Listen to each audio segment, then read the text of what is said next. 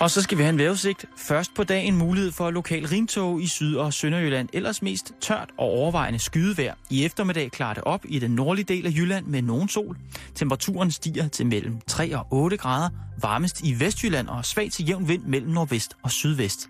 I aften og i nat tørt og efterhånden opklaring fra nordvest, men i de østlige egne fortsat mest skydevejr. Temperaturen bliver mellem 1 og 5 graders varme i nat, og vinden tiltager og bliver let til frisk fra vest og nordvest ved kysterne, hård vind eller kuling.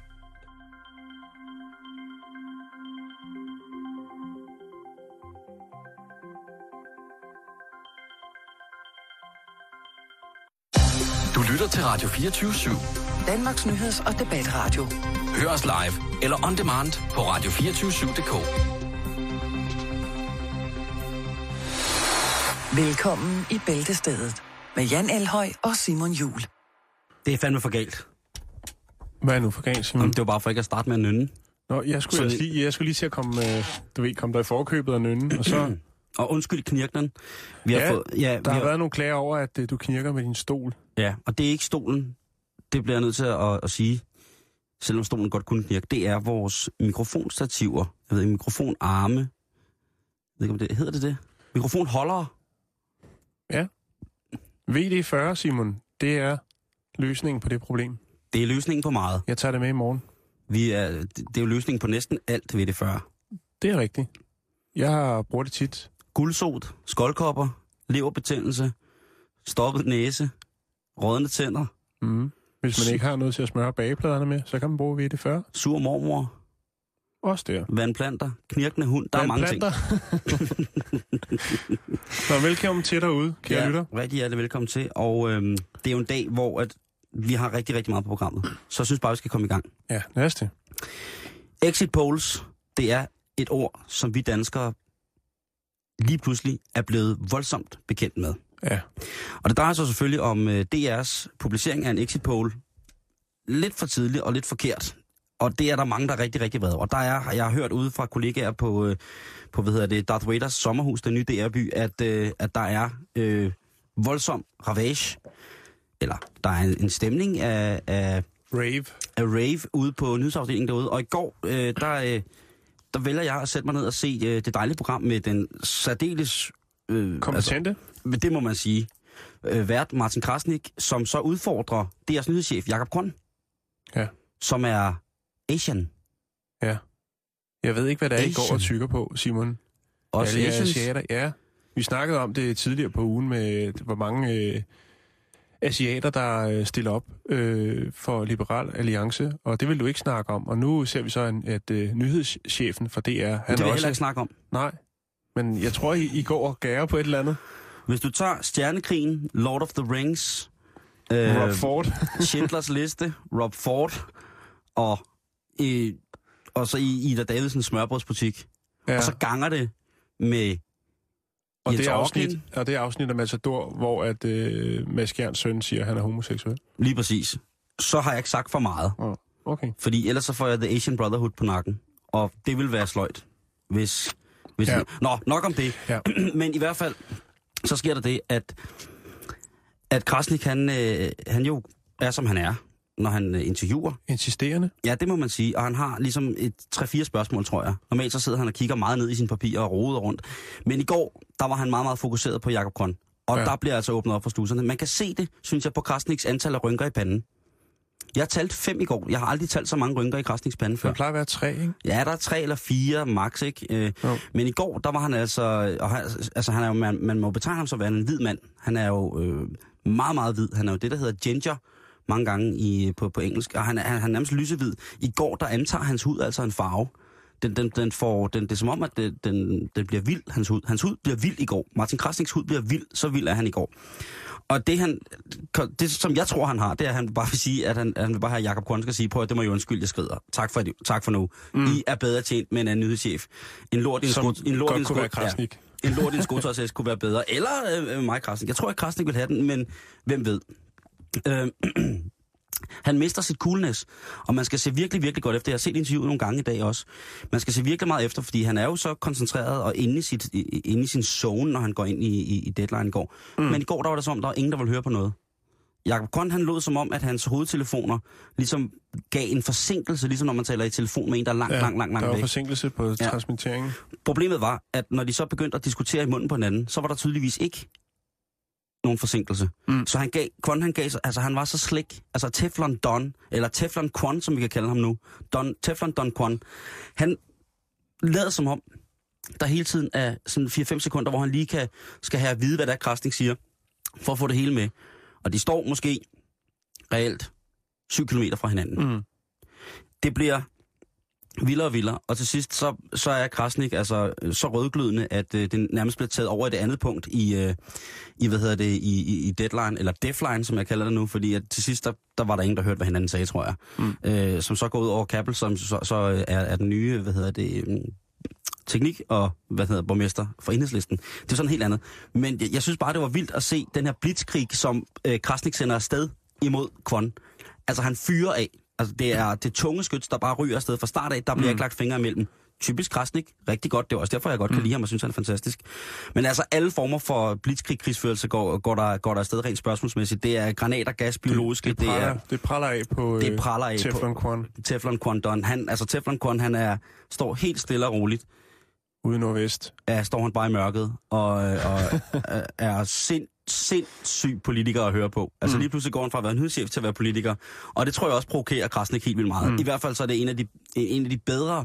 Det er, sjældent, det er jo sjældent, at jeg griner rigtig meget, når jeg ser Deadline. Øh, der sidder man gerne med, med hånden sådan under hagen. Sådan øh, Ja. jeg bor for DR2 Morgen, ikke? Jo, det er hånden, rigtigt. hånden, øh, hun har altid en af sine hænder i gang med et eller andet, enten at røre sig selv i ansigtet eller under hagen. Og der, og der sad, godt af og der sad jeg i går, spisekammer. Det kan være. Og i går, der, der sad jeg bare, til sidst der sad jeg bare og, og skraldgrinede. Altså, fordi jeg, jeg, det, Mm. der, der var det for meget. Og jeg synes jo, det er stort. Det er jo stort af Krasnik, at han ligesom går i, går i eget bed. Altså, når man selv har skidt i nælderne og stadigvæk har, har brand, øh, brandsyster omkring øh, det Arnalle område, så synes jeg, det er stærkt, at man så øh, sætter sig videre ned og så roder rundt i nælderne sammen med nyhedsdirektøren eller re- redaktøren. Og jeg må sige, at øh, det er stærkt, men øh, på vores Facebook, facebook.com, der ligger der øh, et spørgsmål til jer, kære lyttere, om hvorvidt at Martin Krasnik og Sebastian Klein har samme brillesponsor. Ja. Det ligger og, op og, under, og al- lidt til. og ligger under albummer. Ja, det, det, det, øh, Den lader vi ligge. det ved jeg ikke. Men jeg tænker, det kunne blive, altså det her øh, nyhedsredaktions guf, som der tydeligvis lige pt. er ude på DR, tror jeg. Det kunne være en fantastisk voksen julekalender. Det er faktisk rigtigt, ja. Altså, der er suspense. Så kunne man sige, øh, altså det kunne hedde Jul i den gamle DR-by, eller Jul i den nye DR-by, eller hvad man kunne sige. Jul på nyhedskontoret. Eller Jul hos Krasnik og Kon. Det er jo både etnisk og multikulturelt, på alle mulige måder, ikke? Jo, det er det er helt bestemt. Øhm, og så, øh, så kunne vi jo brugergruppe det navn. Jul hos Krasnik og Kon. I, det kunne vi jo brugergruppetest øh, via øh, Opinion. Ja, Kunne det ikke være det spændende? synes jeg er en rigtig, rigtig god idé, Simon. Men, men det er okay, Martin Krasnik. Det Ja. er okay. Det er, du er... øhm, Can win them all. Nej, det kan du sgu ikke. Det kan du sgu ikke. Og det er bare chefen for helvede. Det er jo chefen for helvede. Det er jo det. Jeg kan Og- godt vide, om de har sagt godmorgen til hinanden Og til, morges. øh, til, til Jacob Kwon fra en asiat til en anden. Asian Temptations, it's the righteous shit, brothers. It's the Sådan righteous, righteous, righteous shit, brother. Simon, det er... punch? Hvor er mit karateslag? Nå, det er væk. Ja, så må styre. Du har fire knapper at vælge imellem. Det ligger på en af dem. Simon, vi skal lige snakke lidt julegaver. Allerede? Ja. Okay. Det, er, det er en speciel julegave. Jeg ved godt, vi skal rundt om, øh, hvad, hvad man sådan kan købe til sine, øh, til Loved sine ones. slægtninge, sine loved ones. Men Mhm. øh, jeg faldt bare lige over en artikel omkring en, øh, en øh, julegave. En kreativ herre, som har lavet en julegave, som flopper øh, kolossalt i England. Altså virkelig, virkelig vildt, Simon. Det handler om en, øh, en kalender. Og det ja. er ikke sådan en øh, Annie Fønsby-kalender eller noget den dur. Nej, det er, og nu siger jeg det på engelsk, Simon, øh, en kalender, der hedder Fast Disappearing Red Telephone Boxes of Wales. Hurtigt forsvindende røde telefon, telefon, hvad hedder sådan noget til? Hedder det en telefon, Telefonbokse, telefonbokse rundt omkring Wales? lige præcis. Øh, og det er altså en, øh, en herre, nu skal jeg lige herned. Jeg har utrolig stor øh, Jeg vil lige bede. Michael, øh, Michael Laudrup om at, at skrive ned. Han er jo træner i Swansea, Jamen, det er det.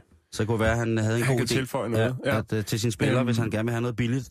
Herren bag den her øh, julegave-idé, den her kalender, han hedder øh, Kevin Bersford. Ja. Og øh, Good han, old. han øh, skulle ligesom følge op på øh, sidste års kæmpe, kæmpe store hit, han havde. Der lavede han en, en øh, kalender, som solgte rigtig, rigtig meget, Simon. og den kalender, den hed... Invisible Dogs and Funny Eggs. Nej, Nå. Næsten. Den hed Roundabouts of Great Britain 2012. Altså rundkørsel. Ja. 12 Åh, oh, det flotte billeder af rundkørsler rundt omkring i England taget. Øhm, Det er jeg, jeg ved ikke, om det er for bare at retfærdiggøre et, et stort kørselsfradrag eller hvad. Men i hvert fald, så storhittede den kalender sidste år. Ja. Og så tænkte Kevin, hvad skal vi finde på i år? Jo, selvfølgelig. Der er ikke særlig mange af de røde, meget, meget øh, kendte engelske telefonbokse tilbage. Nogle steder, øh, heller ikke i Wales. Øh, så vi laver der lige en kalender, mens der stadigvæk er nogen at fotografere. Ja. Så han drager rundt og tager i parker og på gader og stræder øh, 12 fantastiske billeder af de her telefonbokse. Og så laver han en kalender. Og ved du hvad, Simon? Nej. Der er ikke solgt en eneste kalender. Ikke Er det engang rigtigt? en Åh, kalender. nej. Så, så kunne man måske... Det er jo så populært, at man i de her recessionstider laver nye alliancer. Jeg ja. Tænker, hvad hvis Ida Kåre, som kun har solgt 40 af sine plader, laver en, øh, et, et hookup med, hvad var den hed? Gert? Gert? Nej, hvad hedder han? Øh, Kevin Bursford. Kevin, så kan man få en telefonkalender, en telefonboks, eller en ja. Kalender med forsvundne Eventuelt telefonbokse i for. TDC til at smide nogle penge i. Lige præcis. Og så en Ida Kåre-plade. Ja. Det, er- det er der to fluer, som jeg gerne vil slå med et smæk. Eller er måske til Ida der bare øh, kopierer ideen sammen med TDC, og så laver en med de sidste telefonbokse tilbage i Danmark, hvor hun står ligesom og siger, at vi kører stadig fastnet, eller et eller andet. Jeg ved det ikke. Det kunne også hedde skønhed nu. Altså, Ida Kåre er jo efter min mening en af de smukkeste sangerinder i øh, Danmark nogensinde. Helt bestemt. Men Det Simon, sige. jeg er Og godt klar dygtig. over, at vi har altså også nogle lytter derude, som er pjekket fra skole for at høre det her dejlige program. Ja, Og og, til og det dem skal I fandme have tak for. Til dem vil jeg godt lige komme med en lille servicemeddelelse. Okay. Hvis de sidder derude og tænker, hvad er en telefonboks? Ah ja, okay. Er der, kan du følge mig? Ja, I follow you. Jeg kan Okay. følge dig. Er du klar? Ja. Hvad er en telefonboks? Hvad er en telefonboks? En telefonboks er en lille bygning eller en lille afluk, øh, eller en lille afluk med dør, som er placeret et offentligt sted, øh, og som indeholder fastmonteret telefon til almindelig brug. Telefonapparatet er en del af en betalingsautomat, og samtalerne betales med mønter. Så langt, så godt. Med mønter. Der kan også være, ja, telekort eller betalingskort kan man også bruge, Simon, i sin tid. Øh, der kan også forekomme en hylde og en opslagstavle inde i telefonboksen. Og telefonbøger. telefonbøger, de hang og lå, kan jeg huske. Ja. Og også en opslagstavle har der også været nogle steder. Du Ja. Minicykel sælges, eller Ja. noget af den dur. Stor pæk haves lille røv ønskes. Nej, det er jo, det er jo på motorvejstoiletterne, Simon. Der, der er ikke nogen telefon. Om øh, ja, ham, der har, ham, der har det ønske, han, øh, han skriver mange steder så. Ja. Ja, han kom, han, øh, det, er, fordi, han, det er fordi, han arbejder på en kalender. Kan du... Nå. kan du huske på skolen, hvor der var sådan en, øh, en halv champ, en kvart champignon, man skulle stille sig ind i? Sådan et øh, Ja. sådan en kvart, kæmpe stor kvart champignon, og så skulle man stille sig ind i den, Ja, og så skulle man præcis. bruge 25 øre. Ja, Hold jeg kæft, husker dem hvor er vi gamle, mand. Ja, Jeg vil gerne snart dø. så kunne man putte en Slut. snor i, og så kunne man hive den op og ned hele tiden. Så kunne man bare ringe til øh, træfpunktet rigtig, rigtig lang tid. 0059. Yes. Men Simon, vi skal lige fortsætte. er du klar? Den første danske telefonboks øh, var telefonkiosken. Oh, ja. øh, som blev opsat i 1896, øh, tegnet af KTS-arkitekten Fritz Koch, øh, for? Fritz, Fritz Koch, Fritz Koch? Ja. Okay, ja. øh, og blev tegnet for det, der hed Københavns telefonkiosker. I gamle dage, Simon, havde man en kiosk, man gik ned og regning i. Hvor er det sindssygt. Det vidste du ikke? Telefonkiosk? Nå, Jeg er kun 36, ja, det er det. men jeg vil gerne snart dø. Øh, 1930 var tiden altså blevet moden til at lave øh, flere sådan rigtige telefonbokse, som dem vi måske husker. Nogle af os. Mm-hmm. Øhm, og Simon, det blev øh, en meget, meget øh, popul- populær, populær model, øhm, som var den, en grøn telefonboks med materet glas, sådan så man havde lidt, øh, lidt øh, privatliv, når man telefonerede. Ja. Øhm, så man kunne stå der åbne døren, og så kunne man stille sig ind bag det materede glas og føre en samtale over, hvad der nu ellers foregik i en telefonboks. Og det er jo der, banke på opstår. Lige præcis. Fordi man skulle lige sige, er, Ja, du det ikke, var det sådan, er de ikke ved at være færdige, unge mand? Ja. Kan, kan, Øhm. kan de snart få snakket færdigt? Vi er nogle stykker, der gerne vil benytte sig af apparatet. Simon, nu begynder det så at blive interessant. Fordi nu kan jeg begynde at huske, hvad der så skete. For Okay. okay. 1970, Simon, ja. ikke? hvor jeg var minus et år, Øhm, der sker der noget med telefonboksene. Fordi at der er der det, der hedder bombemanden fra Gladsaxe. Åh, det... Og han satte altså bomber op inde i telefonboksene, sådan, så når du åbnede den, så sprang øh, bomberne. Og det gjorde han i Københavnsområdet. Og det gjorde, at KTS, Københavns Telefon Aktieselskab, valgte at tage alle dørene af de her telefonbokse. Så man havde simpelthen øh, den, den øh, kendte øh, telefonboks, så skruede man døren af for at undgå øh, ham her bombemanden. Han sprang så sig selv i luften 1. maj ud i Fældeparken. Øh, nej, han mistede fire fingre på højre arm. Det kan jeg huske, fordi at øh, det år, hvor det skete, Simon, der øh, var det den der Boom Boom, der vandt. Og så blev den hurtigt lavet om til med, at det var Boom Boom, øh, bombemandens fingre på højre hånd. Det kan jeg huske, den sang jeg, da jeg gik i børnehave. ja, kreativ. Straight up history. Fuldstændig. Øhm, men så efter det, Simon, så det, lavede man en designkonkurrence, og så kom der den telefonboks, der hed spørgsmålstegnet. Kan du huske den? Men er det den halve champignon, jeg refererer Det til? er sådan, nej, det er det ikke. Det er sådan en kuppel. Det var ah, en, der, Ah, sådan, ja, ja, der det- var sådan en, der var formet som et, øh, i, øh, i rustfrit stål. Formet som et spørgsmålstegn. Ja, ja, ja, ja, den kan jeg godt huske. Øhm, men øh, den øh, får man altså åbenbart... Altså, den findes stadigvæk nogle steder. Mange, mm. Meget få steder. Men den var ikke så handicapvenlig. Øh, og det var ligesom argumentet for, at man øh, designede en ny en, øh, som blev Jan Utzons øh, gitterbeklædte boks, som du sikkert godt kan huske. Den er der stadigvæk en, en del af. Men den, den anden, jeg tænker bare, det er mærkeligt, at den der spørgsmålstegns øh, telefonboks, ikke? Ja. den sagde man ikke var handicapvenlig. Men hvis man så tænker på den første telefonboks, den gamle grønne der med døren, der er Ja. jo slet ikke nogen, der har kunnet telefonere den. Nu har jeg brækket lortet ned om telefonboksen, Simon, så nu kan du flotte dig med det. Og jeg er sikker på, at jeg ikke kommer til at lave en kalender, for det er der ikke salg i. Jeg kan, altså, jeg har jo stadig over i min, øh, i min, i min pung. Ja. Der har jeg jo stadig et kort med en papegøje på, som er 25 kroners taletid til, telefon, til en telefonboks.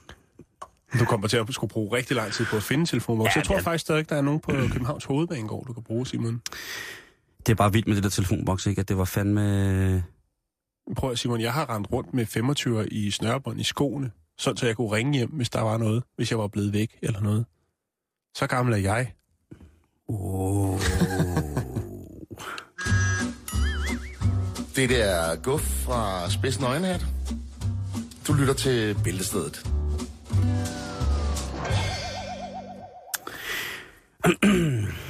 Ja. Hvad nu? Skal, skal, skal ved- jeg fortælle skal vi ved? Skal vi ved en femmer? Øh, med hul i? Er der hul i femmerne i dag? Ja, det er der. Helst uden. Okay. Hvad, ja, Øh, hvad, hvad skal der ske? At øh, om Teflon Quan, han ryger, for det er inden programmet er overstået. Åh, det kan vi godt. Okay. Altså, jeg synes, han, jeg synes, han var skarp. Jeg vil godt, jeg vil godt ved en femmer. Jeg synes, han var politiker. Jeg men siger, jeg, jeg, at øh, når vi er færdige med udsendelsen, så er Mr. Kwan, han er stadigvæk øh, nyhedschef på DR. Okay, og jeg siger, det er han ikke. Okay, Godt, lad os komme videre i programmet. okay. Vi har været en femmer Det er fantastisk, og det er alle vores lytter selvfølgelig øh, med på. med hul. Øh, var det sørgeligt, at øh, telefonboksene de flopper som julekalender, Jan? Til gengæld så er det jo også nu øh, sådan her omkring, at man begynder at sige, hvad skal vores nytårsforsæt være? Åh oh, ja. Og en af de for- nytårsforsæt, som der kunne være, som jeg kunne for eksempel kunne tage til mig, som jeg ved, jeg ikke vil holde, det var stop med at ryge smøger. Der kunne jeg godt nævne et par stykker. Men øh, jeg skal vare min mund Som jeg ikke kunne holde. for lytternes skyld, ja. Men ja, rygestop, Simon, det kunne du også godt trænge til. Men det vil jeg da gerne høre, Jan. Nej, den kan vi tage til julefrokosten. Nej, du, kan da ikke bare, du kan da ikke bare blæse op og sige, at jeg, at jeg vil komme med en masse nytårsforsætter, som jeg vil kunne holde. Øh, af den her karakter vil jeg vælge at vare min mund. Men Simon, rygestop. Kom nu, fortæl det nu. Nej, jeg vil, ikke fortælle, det, jeg vil ikke fortælle det, hvis du, hvis, du, hvis du sidder og siger, at jeg ikke kan holde min nytårsforsæt. Jeg har, tror aldrig, jeg har haft nogen, men Nej, men jeg vil godt, gad da godt at vide, hvad det var for nogen, du vil, øh, Nej, at du vil Nej. føre op for. nej, det ved du ikke. Jo, det vil jeg gerne. Nej, jeg har ikke noget at sige. Men du har da lige sagt det. Nej. Jo. Du sagde da lige, at du kunne komme med nogle stykker. Ja, ja. Men det var også det. Hold da op, Simon. Men så kunne du ikke. Ikke øh, i radioen, nej. Okay. Øh, Tak. Men hvad hedder det? Øh, i, altså, det der med at dræbe smøgerne, det kan jo være et stort problem for mange. Mm. Jeg har ikke prøvet det som sådan at sige, nu vil jeg stoppe og aldrig mere ryge igen. Jeg har holdt nogle pauser. Du har holdt nogle pauser, det kan jeg huske. Øh, Dengang du røg Blå Kings. Ja, Så jeg har holdt nogle pauser, hvor det har været sådan et år, og det har været et år og seks måneder, og det har været sådan lidt... Men der er jo mange måder. Der er jo selvhypnose blandt andet. Der er, der er nogen, der har prøvet at hypnere, hypnotisere sig selv. hypnere, hypnotisere sig selv. Øh, der er nogen, der prøvet ligesom at gemme cigaretskodder i maden, for at så få en ubehagelig overraskelse og tænke, det var dog det klammeste i verden. Der er, er der et par restauranter, hvor det virker som om, det er det, de gør. Jo, jo. Der er, øh, du ved, sådan nogen, der har prøvet at stille fyldt askebag i deres soveværelse. Ja. Så er der øh, nogen, der har prøvet at det der at drikke ren nikotin. Altså, det er jo pissegiftigt, det må Jo, man ikke. ja. Så er der de der tygummier, der er vapors, de der dampnogen der. Så er der samtaleterapi, der er quit smoking-bøgerne, der er hjemmesider Og og, så videre, lyd-CD'er. Lyd-CD'er ja. ja. meditations-CD'er. Ja. Øh, men nu er den sidste nye her. Ja. Nu er den sidste her. Og det er i Vejle, hvor at uh, boksestjernen Haris Zendo, han er hovedperson i en ny biografreklame for, øh, hvad hedder det, øh, for rygestopstilbud. Og den er- hedder Kom og Kvit. Kom og kvit. Yes, og det er, øh, at, øh, at tanken omkring det der med at, altså ham her, øh, Haris Zendo, han er 22 år, og så er han jysk mester, og har vundet en anden plads i DM mellemvægt. Altså han er en, en dygtig bokser. Ja. Og nu har jeg ikke set reklamen, fordi jeg kan ikke rigtig finde den biografreklame sig selv. Men tanken omkring det, det er, at det er ikke så let at stoppe med at ryge, og det ofte kræver nogle flere omgange i boksringen. Okay. Så øh, det er altså, øh, det er noget med, at man skal... Jeg synes jo, det er en pissegod idé, og jeg er pisse nysgerrig. Jeg må bare ikke få at vide, hvad det er, medmindre jeg går i biografen i Vejle. Nej. Jamen, jeg kommer med et forslag til, hvad det kunne være. Ja, det må du gerne. Jeg kunne forestille mig, at han har sådan en hotline, når man kan ringe op og sige, at man godt vil stoppe. Og så siger han, prøv, hvis du ikke stopper, så smadrer jeg dig. Jeg tror, det er noget med at komme ned i øh, hans boksercenter, der hvor han står og træner, og så bliver du altså banket ind, så du lover ikke at ryge mere. Ja. Det er lokalavisen Vejle, øh, lokalavisen.dk under Vejle, der ligesom repræsenterer mig, eller præsenterer mig for det her. Ja. Som er lidt hemmeligt. Det gør det jo spændende, men Jamen, jeg sidder og overvejer, om man lige- skulle tage en tur over øh, broen og så øh, gå i biografen i Vejle. Ja, lige over Vejlefjordbroen der, eller Ja. ja. lige før. Jamen, det kunne være skidespændende. Øhm, og jeg tænker bare, er der andre måder, som, hvor man tænker, hvis det, hvis det er fysisk, det der skal Mm. til for at stoppe med at ryge, hvad skal man så? Altså, så tænker jeg, så kan der være sindssygt mange fysiske metoder på. Altså, jeg tænker, man kunne begynde at tage EPO og så cykle rigtig, rigtig, rigtig, rigtig hurtigt. Mm. Det kunne man godt. Jeg tænkte på, om der var andre, øh, andre forbilleder eller øh, kendiser, der måske kunne hjælpe en med at stoppe med at ryge. Ja, det bliver nok ikke mig. Jeg er jo heller ikke kendis. Men det bliver Nej. nok ikke mig. Krasnik? Jeg ved ikke, om Krasnik ryger. Nej, men jeg skulle bare hjælpe dig med at stoppe. Hvis Kvon han er blevet fyret, Teflon Kvon, Ja. Så starter Krasnik med at ryge. så starter Krasnik med at ryge. Det er et nytårsforsæt, og hvis du bor i Vejleområdet, er du så ikke og ved og kender videoen, så må du gerne smide den op på vores Facebook-side, ja. facebook.com bæltested. Det vil Meget, vi rigtig, gerne. rigtig, rigtig gerne have. Ja, det vil vi rigtig gerne have. Ja. Nå, Simon, er du klar til at tage en tur til Norge? Ja. Ikke sådan øh, fysisk, men mere nyhedsmæssigt. Som halvt nordmand, så er jeg jo altid klar til at tage til Norge. Det, øh, det er jeg glad for, Simon. Og øh, Hvad sker der deroppe? ja, det har jo faktisk også lidt, at, der, lidt at gøre med os danskere på, på et eller andet plan, i hvert fald øh, et dansk firma. Ja. Øh, fordi at ostekrigen i Norge, den er blevet afblæst, Simon. Det er den historie, jeg venter på hele dagen, Jan. Er det ikke rigtigt? Jo, jo. Jo. Fuck, det er noget. Ja? Ostekrigen i Norge. Ja. Hvad går ned? Øh, jamen nu skal du høre, det er jo sådan, at øh, Norges øh, nye borgerlige regering vil afvikle en særtol på ost og kød, øh, men til gengæld står nordmændene stadig fast ved øh, at brandfortolde danske hortensiaer. Det lyder ret vildt. Skal jeg uddybe det for dig? Ja, det skal, jamen, ja, vi ved jo, at hortensier er en eftertragtet vare. Der har jo været i sidste år, øh, jeg behandlede et andet program med den gode Karen Storup, Ja. hortensia stiklingsteorier. Ja. Måske skulle vi slet ikke kigge sydpå. Nej. Måske skulle vi kigge nordpå. Men hvad Jeg sker tror, der med osten? Altså jeg har godt- brandafgiften på ost og kød og sådan noget er jo vanvittig. Det kommer vi til nu, Simon. Ved årsskiftet her.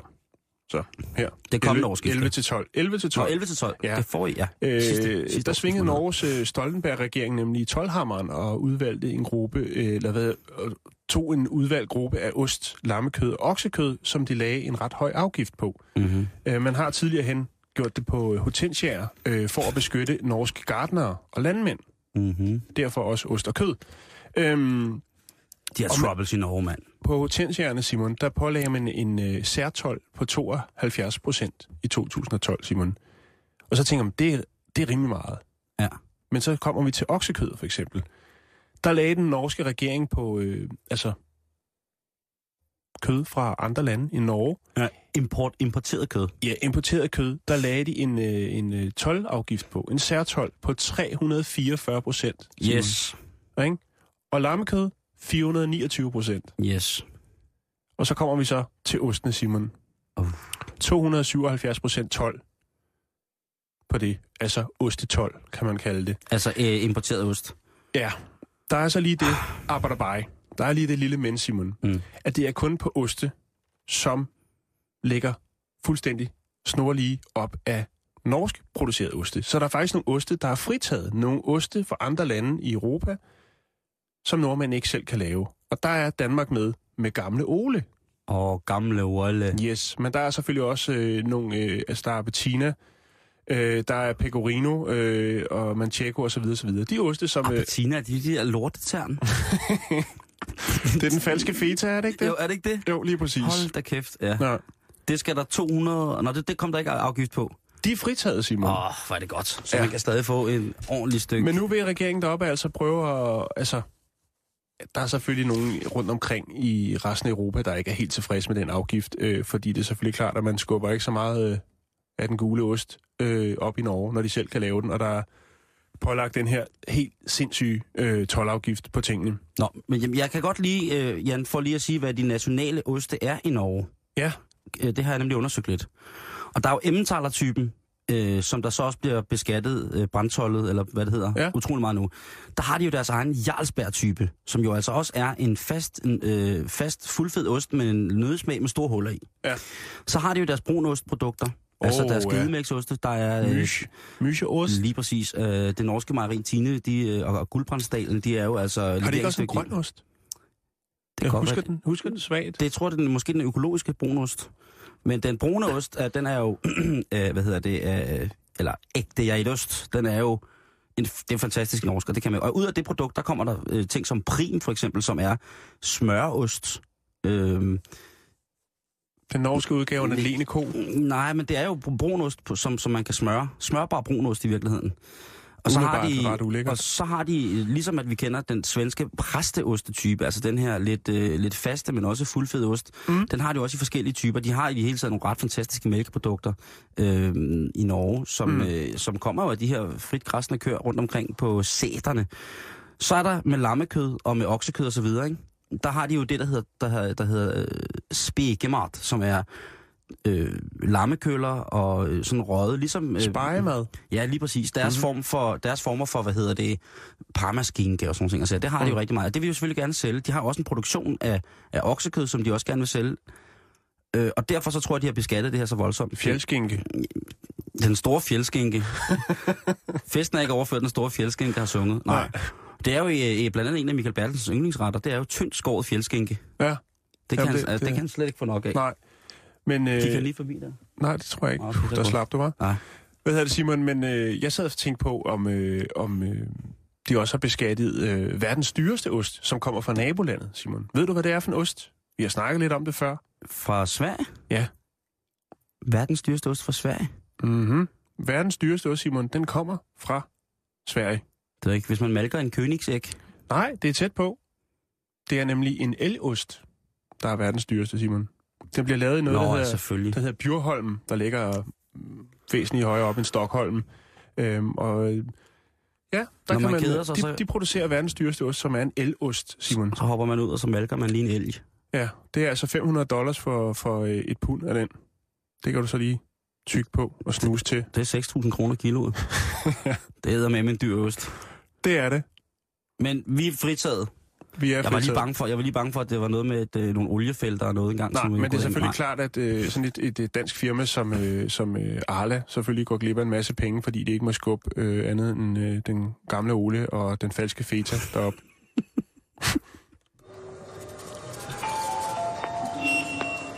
Det er fra delikatesseafdelingen. Det er jeres slagtermester her. Hvis der er nogen kunder, der har købt de øh, lune fiskefiléer, der har stået, stået brak i en 8-9 timer, så vær opmærksom på, at noget af det er ikke fisk. Jeg ved faktisk ikke, hvad det er. Skål.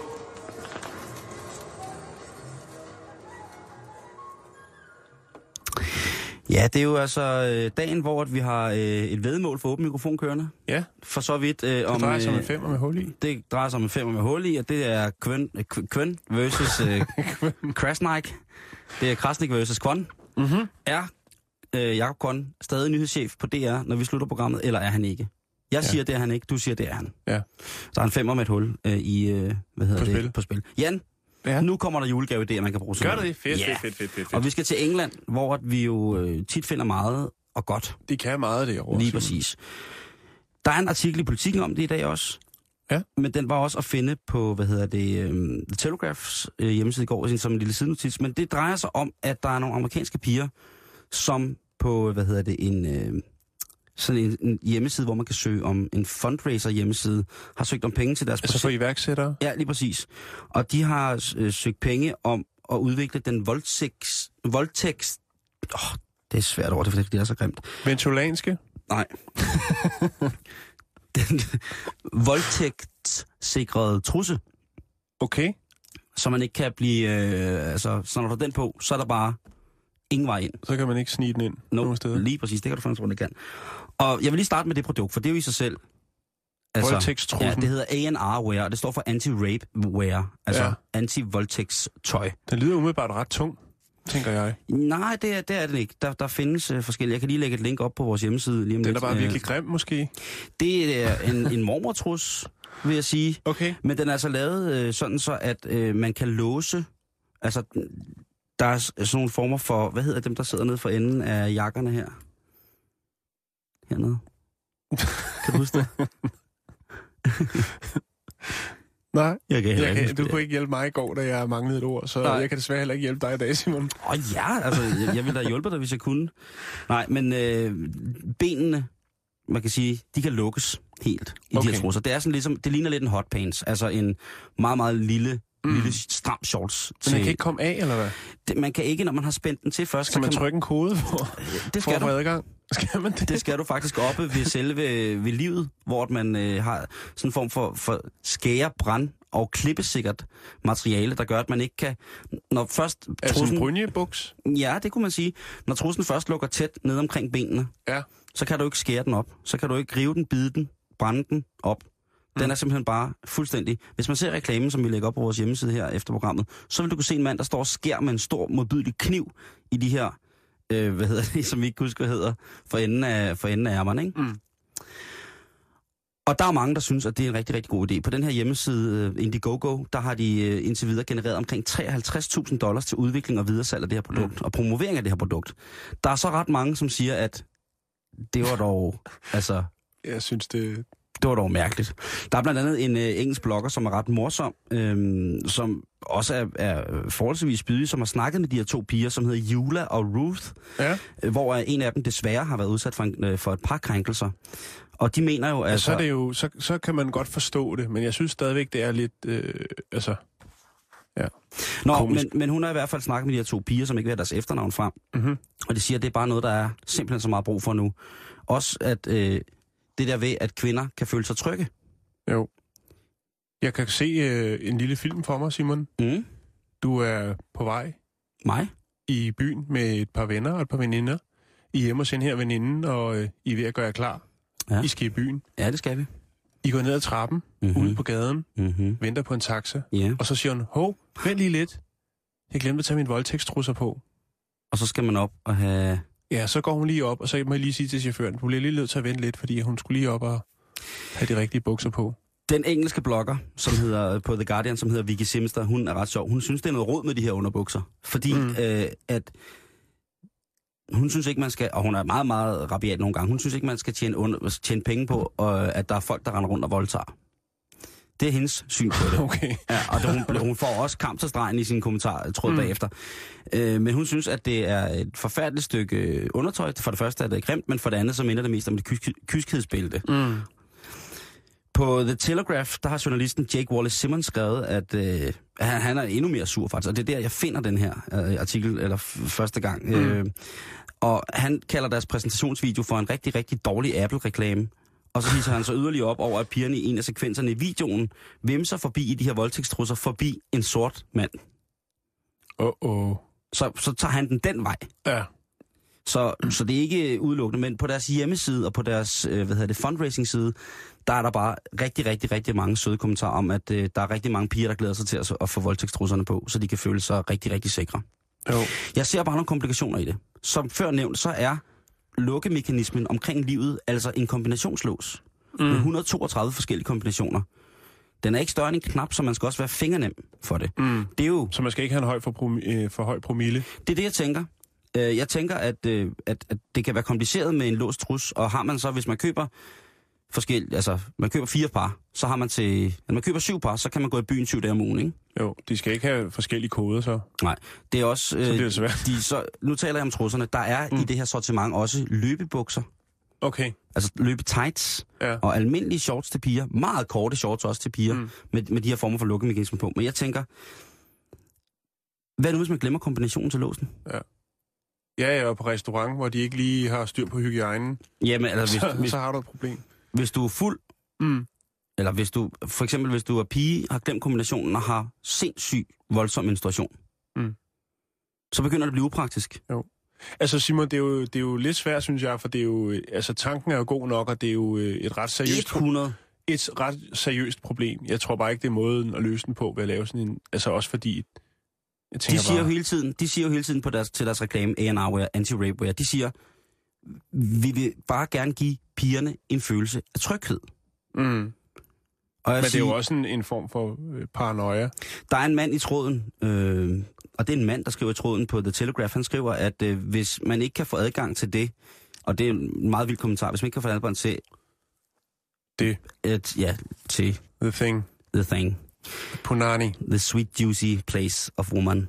Hvis man ikke kan få, få, få, få adgang til det, vil voldtægten så ikke nødvendigvis blive mere modbydelig? No, altså hvis man ikke det får, man jo hvis man ikke får det, øh, øh, får det, man kommer efter, ikke? Eller Jo. hvis man ikke får det, som man kommer for at stjæle og tage på Ja. den mest modbydelige vis. Mm. Jeg tænker... Den er svær, Simon, jo, synes jeg. Jo, jamen, det er der. Altså-. Øh, hvad nu, hvis man er, er pige og kommer hjem med den sødeste gentleman? Et pragt eksemplar af en fyr. Og så har du igen glemt kombinationen.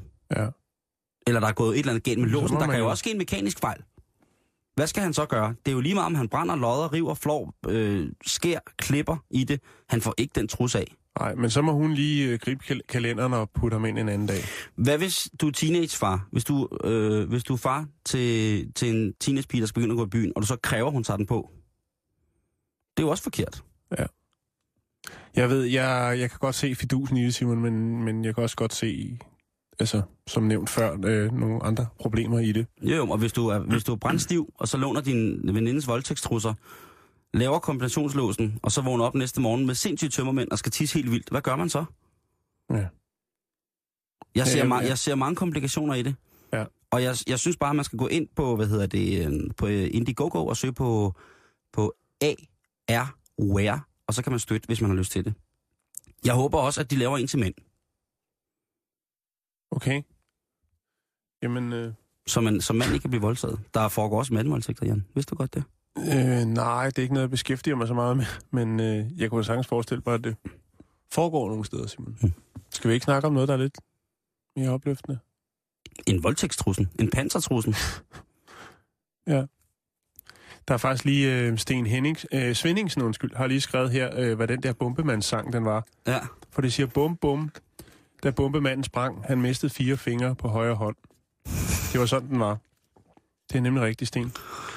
Sådan. Det var en, øh, en god klassiker, Simon. Jamen, så, jeg, jeg, vil bare, jeg vil bare sætte spørgsmålet op. Har vi brug for voldtægtstrussen? Nu vender du tilbage til Ja, undskyld. Mm. Jamen, det ved jeg ikke. Meget spændende. Meget spændende påklædningsgenstand. Nå, Jo, men altså, så, jeg, så, synes, jeg, den- jeg vil sige, ordet er sjovt. Ordet er sjovt, Simon. Men, Ja. men, men det bagved er... ikke Vold, voldtægtstrussen, det er politikken, der har givet mig det ord. Ja, voldtægtstrussen. Mm. Nu er den her. Ja. Jeg ser noget tv-shop der. Jeg ser noget politikken plus. Ja. Det kan også være lidt som sådan en Jeg lokkemiddel. køber et abonnement og få... og få en voldtægtstrus med. Få en, øh, få en dejlig middag for to på Fakkelgården og voldtægtstrusser med. Det kunne være skide godt. Nede på Bufakkelgården. Bukake. Så, nu skal vi videre, Jan. Ej, nu, nu tager du den et sted hen. Ja, undskyld. Nu tager du den et sted hen. Ja. Simon? Ja. Har du nogensinde overvejet at komme i Guinness rekordbog med et eller andet? Mm, Er der noget, hvor du tænker, det kunne jeg godt gøre bedre? Nej. Langspyt. jeg ved jeg ved ikke. Nej. Et eller andet, nej. Med rygestop. Med rygestop. Flest gange rygestop. Øhm, der er faktisk en, øh, en ung herre fra Brooklyn i New York, der hedder Scott Wiener. og det hedder han faktisk. Han er lige blevet optaget i Guinness rekordbog for at have den største samling af pizzabakker, Simon. Brugt eller nye? Øh, begge dele. Åh, oh, oh, mm, hurra, hurra. Øh, han har selv et pizzeria, der hedder Scott's Pizza, Tower, øh, Pizza Tours i New York. Øhm, og øh, det startede faktisk, Simon, med, at han fik fat i en øh, pizzaæske fra Israel. Og han synes simpelthen, den var så flot. Det var i 2008, Simon. Der så han den pizzabakke i Israel og tænkte, den skal jeg have med hjem. Okay, get alive. Ja.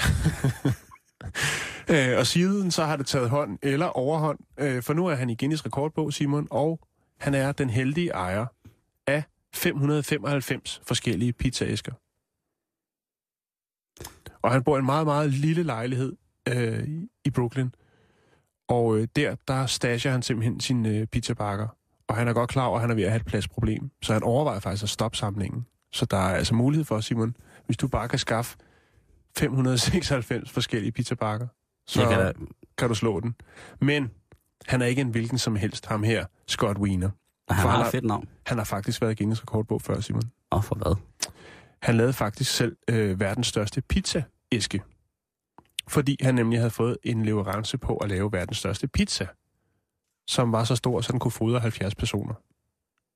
Jeg synes, jeg har hørt navnet før. Scott Wiener. ja, Shit, mand. det kan du godt. Men, men Simon, du kan nå det endnu. Altså, han har kun 595, og du har en stor lejlighed, Simon. Der er plads til mange Nå, pizzabakker. men jeg tænker også, hvis man tager ud til et Counter-Strike meet, Ja, sådan en gamers weekend, det er faktisk en rigtig, rigtig god idé i forskellige lande. Ja. Man kunne også bare tage øhm, Yellow Pages øh, worldwide, og så bare ringe op til pizzerier i hele verden og sige, jeg vil godt bestille en pizzabakke, og det er, også den meget, tilsendt. det er meget taktisk at gå efter. Jeg har lidt på fornemmelsen, at Scott Wiener, han har gjort det af hjertet. Han har tænkt, øh, mit liv, det er bare pizza, pizza, pizza. Og ja. det elsker jeg. Derfor vil jeg godt samle på emballagen. Jeg, jeg tror faktisk, du har ret. Simon, jeg lægger lige et billede op på Facebook af Scott Wiener, der sidder og chiller med sit øh, diplom for Guinness rekordbog og en hel del pizzabakker. Super.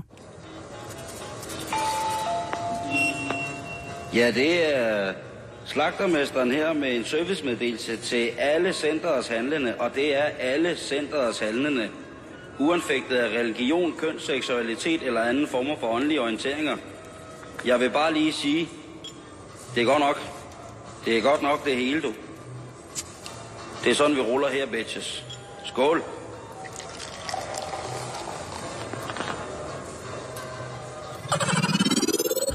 Lytter til Bæltestedet på Radio 24 /7. Jan, øh, vi skal lige gå igennem noget hurtigt. Jeg har været på samvirke i dag.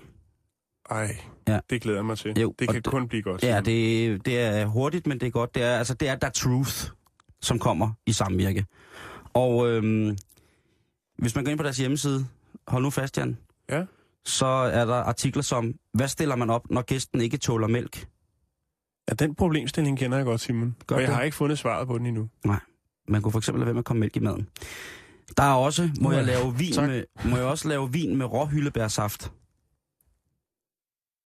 Ja. Eller med rå hyldebærsaft, ja. Det, Så er der en quiz om Anders Lund Madsen. Hvis man synes, han er så skide interessant, så kan man tage en quiz om ham. Ham er du da stor fan af, Simon. Jamen, kæmpe, kæmpe, kæmpe stor, så jeg tog selvfølgelig quizzen. Selvfølgelig gør jeg det. Og så er der artiklen til allersidst, som hedder, Sådan bager du knipkager. Knipkager. Knipkager, Det er sønderjysk. lige præcis. Småkager. Åh, oh, du er nede med småkagerne. Ja. Du er nede med småkagerne. Skal der kage til? Men det er altså ikke, det er ikke sådan så, at... Øh, Kan vi tage den fra toppen, Simon? Jeg vil godt vide det med den mælk der. hvordan, man, øh, hvordan man stiller op, når gæst ikke tåler mælk. Ja. Jamen altså, hvad tror du? Jamen, hvad er svaret? Hvad siger samvirke? De må have gået lidt mere i dybden. Ikke bare sige, at det løber med at putte mælk i maden. Jamen, det er stort set det, de siger. Er det rigtigt? Ja, det er ikke meget galt. Det er fandme et godt svar. Det er, de er jo altså, øh, de er jo altså på en eller anden måde sådan et sted, hvor at man tænker, kunne man regne ud selv nogle gange? Ja. Og det kunne man egentlig godt skrive fra samvirkes side. Prøv, Ja, det- prøv at tænke dig om. ja, det, det, det, og det er jo ikke fordi, at jeg på den måde nedgør at det, det, det de ligesom øh, har gang i, men jeg tænker, nej, nej, bare, nej, nej. jeg tænker bare, nu har jeg været mælkeallergiker i rigtig mange år, ikke? Mm. Og jeg kan godt komme med et øh, skide godt bud på, hvad man gør. Ja. Det er, at man bare øh, lader være med at bruge mælk. Og jeg, nu har vi sagt det tre gange inden for forholdsvis kort tid. Så nu tror jeg, den, sid, den sidder der, Simon. Ja, lige præcis. Og så er der så øh, den her artikel om, øh, må jeg lave vin med rå hyldebærsaft? Ja, Hvis der kommer procenter i det, så fyr den af. ja det vil jeg også sige. Bare, bare lav noget. Og quizzen, Svar, svar, samvirker det? quizzen øh, nej, det svarer jeg. Okay. Og så, øh, sådan bærer du knæpkager. Den må man, den må man selv finde ud af. Ja. For jeg synes, at jeg kan godt komme her med overskriften og sådan ting, jeg siger. Der skal hjortetaksalt i, ikke? Men de siger, at jo, du, du sidder med den. Du sidder med den. Nej, nej, Jo, nej. du gør, du sidder med den. Kig på min computer. Oh. Jeg har bare noteret mig, at øh, Der- en, øh, en kok ved navn øh, Morten Skærved har lavet en bog, der hedder Sønderjyske Kaffebord. Og der er også en opskrift på knipkager, Simon. Okay. Det er sådan set bare derfra. Der er faktisk øh, 30 lækre opskrifter i Hvorfor et varieret sværhedsgrad. af, hvorfor så er et billede på en computer en tyk nærdame på en lille bitte motorcykel? Jamen, det er noget, jeg arbejder på til morgen en historie. Okay, skide godt. Hvad hedder det? Øhm, det, det er jo bare det, jeg vil sige. At Okay. øh, det er en teaser. Man skal gå ind og tjekke det selv. Ja. Jeg, jeg øh, giver gratis teaser-tid til samvirke, fordi jeg synes, de har sådan så nyttige ting. Jeg er slet ikke gået i gang med, hvad oldfruen vil. Nej, Så det er det, men, men ind på Simon, øh, knipkager er, er faktisk en af de ældste småkager, øh, der kendes. Oprindeligt øh, fremstillet af og bygmel øh, og bagt i forbindelse med robrødsbagning. Så lavede man lige et par knipkager. Og knipkager, det er jo ikke en hensynning til, at man skal knippe hinanden helt sindssygt, mens man bager. Ja, det er så ikke helt sikkert, Simon. For i gamle dage, der øh, brugte man det som hentydningskager, kaldte man det. Øh, hvor bejler lagde dem på dørtærsklen sammen med et, øh, et øh, digt af seksuel karakter. Det er old school poking. Nej, det er faktisk lort, det jeg lukker ud. Det kunne være fedt, hvis det var old school poking. Ja, fuldstændig. Lige en lille, en lille, en lille krammerhus med knipkager og så et, et digt af seksuel karakter, Simon. Men det er faktisk bare noget, jeg selv har fundet på. og jeg tror, vi skal videre. Shit. Der, du havde mig lige kørende der. Ja, Er det galt, du havde mig du kørende var der? allerede på vej hjem for... Og fylde, fylde krammerhus. Ja, puha. Ja, det var en undskyld. Ah, det er helt i orden. Det er, det er helt, helt i orden. Øh, nu kommer vi til den, Jan. Vi kan ikke komme udenom den. Nej, det kan vi ikke. Så har vi en servicemeddelelse fra slagterafdelingen. Vi skal lige gøre de kunder, der har været sig øh, ovenklare flødekartofler, opmærksom på, at øh, det bacon, der er på, det er ikke bacon. Hvad det er, det rager egentlig ikke jer, men I kan bare levere lortet tilbage. På forhånd, tak.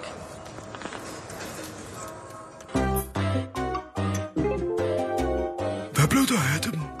Hvad blev der af dem?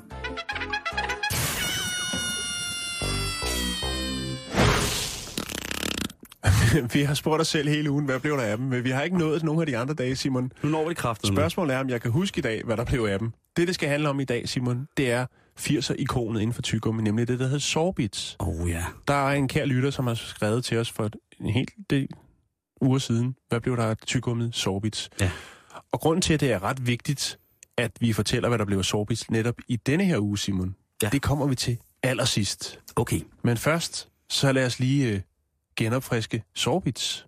Tygummet. Ja, Yes. Øhm, det var jo tyggummimærket, som styrede ret hårdt i øh, 80'erne, men efterhånden er det jo gået i glemmebogen. Øhm, det karakteristiske, Simon, hvis du kan huske Sorbits tyggegummi, det var jo det her med, at hver stykke tyggegummi var pakket ind i papir. Du havde en, den klassiske lange øh, tyggegummipakke, og så når du åbnede den, så var hver stykke tyggegummi pakket ind i papir. Ja. Det var der ikke andre, der var. Nej, det var meget fint dengang. Meget, meget fint. Øh, Sorbits tyggegummi blev lanceret i 1965, og var det første sukkerfrie tyggegummi, der blev lanceret i Danmark. Øh, og i øvrigt også i Nordeuropa i det hele taget. Ja. Øhm, produktet blev solgt på apoteker og fremstillet og markedsført af medicinalfirmaet Alfred Benson AS Danmark. Navnet Sorbits, Simon, det kommer ud fra det kunstige sødemiddel, som man puttede i, som hed sorbitol. Åh oh, ja. Det ligger Øhm, meget med aspartam, som det hedder Ja øh, og øh, jeg skulle til at sige landekoden, e-koden, e-navnet for sorbitol, det er E420. Øh, og det er blandt andet også øh, i nikotintyggegummi, tandpasta øh, og øh, stimerol. Man bruger det ikke så meget mere. Øh, og det er der faktisk en grund til, Simon, fordi at øh, der er faktisk en del mennesker, som øh, er blevet afhængige af tyggegummi. Altså folk, som har spist rigtig meget tyggegummi. Og der her Ja. snakker vi rigtig, rigtig meget. Og det viser sig faktisk, at når man spiser tyggegummi, hvor der er sorbitol i, så kan man få øh, meget, meget tung diarré og faktisk tabe øh, mellem 12 og 23 kilo. Man har haft nogle tilfælde i USA, hvor folk, der har spist meget, indtaget meget tyggegummi med sorbitol i, har tabt op til 23 kilo, Simon. Det er altså en slangekur, der ved noget via tyggegummi. Øhm, så derfor så bruger man øh, andre ting, øh, andre ting øh, til øh, altså kunstige sødemidler, som vi har snakket om. Var det i den her uge? Aspartam? Ja, vi snakker om der er aspartam. lavet af E. coli-bakterier. Øhm, men Simon, jeg kunne blive ved med at nævne om, hvad der er, hvad øh, sorbits Jeg sidder, jeg sidder bare og tænker på, hvad din yndlingssorbits var. Øh, jeg kunne godt lide den, der hed salmiak. Den var sådan lidt grynet i det. Brun indpakning. Ja, lige præcis. Ja. Den kunne jeg godt lide. Den var god, Simon. Jeg kan huske, at hele min barndom bestod af blå sorbits. Det Ja, var det, mine den var forældre ligesom god. kunne køre. Og det er så også spist med tyggegummi, du kun kunne købe på apoteket, ikke? Det gør det lidt mere eksklusivt på en eller anden måde. Jo, men det er måske, fordi du er lidt ældre end mig, for jeg kan godt huske, at man kunne købe sorbits i dagligvarerbutikkerne. Mhm. Altså i den almindelige detail. Og ved du hvad, Simon? Nu kommer vi til det. Fordi at der er selvfølgelig nogle ting, der er nu selvfølgelig nogle ting i sådan noget med nostalgi. Mm-hmm. Kan du huske spark sodavand? Kan du huske tyggegummiet? Ja. Øh, Og det er jo fordi, at, øh, at de her ting, øh, når man får dem igen, så genopfrisker man øh, altså, ens hukommelse fra, fra den gang, hvor man måske havde det her i hænderne, eller duftede til det her. Altså smagen. For eksempel som hvis du øh, går forbi en, der sidder fast i 90'erne, og stadigvæk dufter af Lulu, den der parfume fra Casserelle, som var meget udbredt. Jeg havde blandt andet en kæreste, der havde den. Øh, så hvis jeg gik forbi den, så ville jeg helt øh, automatisk tænke på hende. Ikke? Okay. Sådan er det også med tyggegummi. Øhm, så derfor har øh, på opfordring af en hel del øh, tidligere brugere af Sorbits, så har øh, tyggegummi, eller slik, firmaet Cloetta, øh, som har patent på Sorbits-brandet i Danmark, de har simpelthen relanceret Sorbits, Simon. Og i Woo! denne måned, Simon, i denne måned, kan man rent faktisk erhverve sig øh, Sorbits tyggegummi. Hvad for nogle varianter? Hvad for nogle varianter? Det Please jeg sig, ikke det er de gamle varianter. det ikke, er at det er sådan noget nyt noget med... Jo, det er, det er nogle kirsebær og nye havtorn og sådan noget, så Crystal Ice, så Crystal Ice-agtige ting. Det er ikke de nye, og det er også nogle nye Crystal indpakninger. meth? Nej, Crystal Ice, tror jeg, den hedder. Sådan meget, meget frisk. Ja, allerede smag. der er det forkert. Allerede der er det forkert. Men Simon, det kan godt være, at der sidder nogle lyttere derude og tænker, det kunne jeg fandme godt tænke mig at smage. Og ved du hvad, Simon, så skal man kigge Nej. forbi Superbest, Eurospar eller Shell øh, i den her måned, og jeg tror også, det er næste måned, så kan man rigtig, rent faktisk erhverve sig den øh, relancerede udgave af Sorbits tyggegummiet. Bum. Så det var der, der blev af dem. De forsvandt, og så kom de tilbage igen. i 2013. Simon, skal vi lige komme med et par forslag til, hvad man kan finde på at købe til sin kæreste, øh, kæreste øh, her i, som julegaver? Ja, det synes jeg er en god idé. Mhm. Altså også bare fordi, man kan ikke aldrig komme, for, aldrig komme for sent i gang med at købe julegaver. Nej. Vil du starte? Skal jeg starte med, Ja, med en julegave? Mm-hmm. Jamen, det er jo øh, 14 gamle VHS-videofilm, som er blevet sat til salg på øh, Den Blå Avis til 260 kroner. Og det er øh, fædrene på Torndal, far til fire på Bornholm, far til fire for fuld musik, far til fire i sneen osv. osv. Altså gamle danske klassikere på VHS, som man altså kan få 14 af op under neglene for den ringe sum af 260 kroner. Det er sgu billigt. Er det kraften billede, du? Og så skal man, man skal lige huske, man er også nødt til at have en VHS-afspiller jo. Jo, jo, jo, men ellers kan man bare kigge på coverne og stable sine børn ovenpå dem. Hvis man nu er i familie med en, som hedder Johnny Mowatson, Ja. ja. så er der mulighed for at erhverve sig en øh, flybillet til Bangkok og retur igen med Thai Airways. er du klar, Simon? Nu skal du holde fast. Jeg bliver desværre nødt til at sælge mit billet til Bangkok tur-retur med Thai Airways afgang 30. november og hjem 21. december. Den kan øh, ikke navneændres, så er du så heldig, at du hedder Johnny Mauritsen, så kan du gøre et kup, da jeg sælger denne billet for 4.000 kroner. Dagsprisen er 8.500. Så sidder man derude og tænker, jeg skal en tur til Thailand, og hedder Johnny Mauritsen, så er der altså 4.500 kroner at spare på en tur til Bangkok. Det er vildt at sætte det til salg. Ja. Det er fandme sejt. Men man skal jo prøve for fanden, ikke? Ja, det skal man. Når, og det er, når Johnny det, er blevet det, forhindret i at det tage er til surt, Bangkok. surt, surt, surt, surt opsparet sparepenge, der rød på den tur til Thailand for Johnny. Jo. Det er det sgu. Jeg tænkte, hvis jeg hed Johnny Mortensen og ikke skulle til Bangkok, så ville jeg gå på nettet på krak.dk eller de gule sider, og så ville jeg ringe til alle andre, der hed Johnny Mortensen. Jeg siger, hey jo, vil du en tur til... Til halv pris.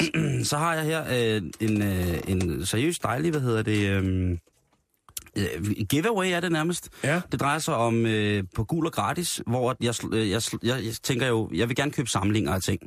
Så at give til folk, fordi så bliver det ligesom lidt mere komplet. Mm-hmm. Og der er altså, øh, der er under beskrivelse af samlinger, der er der øh, en pakke servietter, der er blevet sat til salg.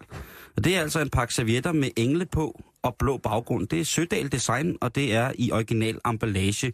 Og det er der godt. tale om cirka 20 servietter. Der, tænk, der tænker jeg, om det er en samling.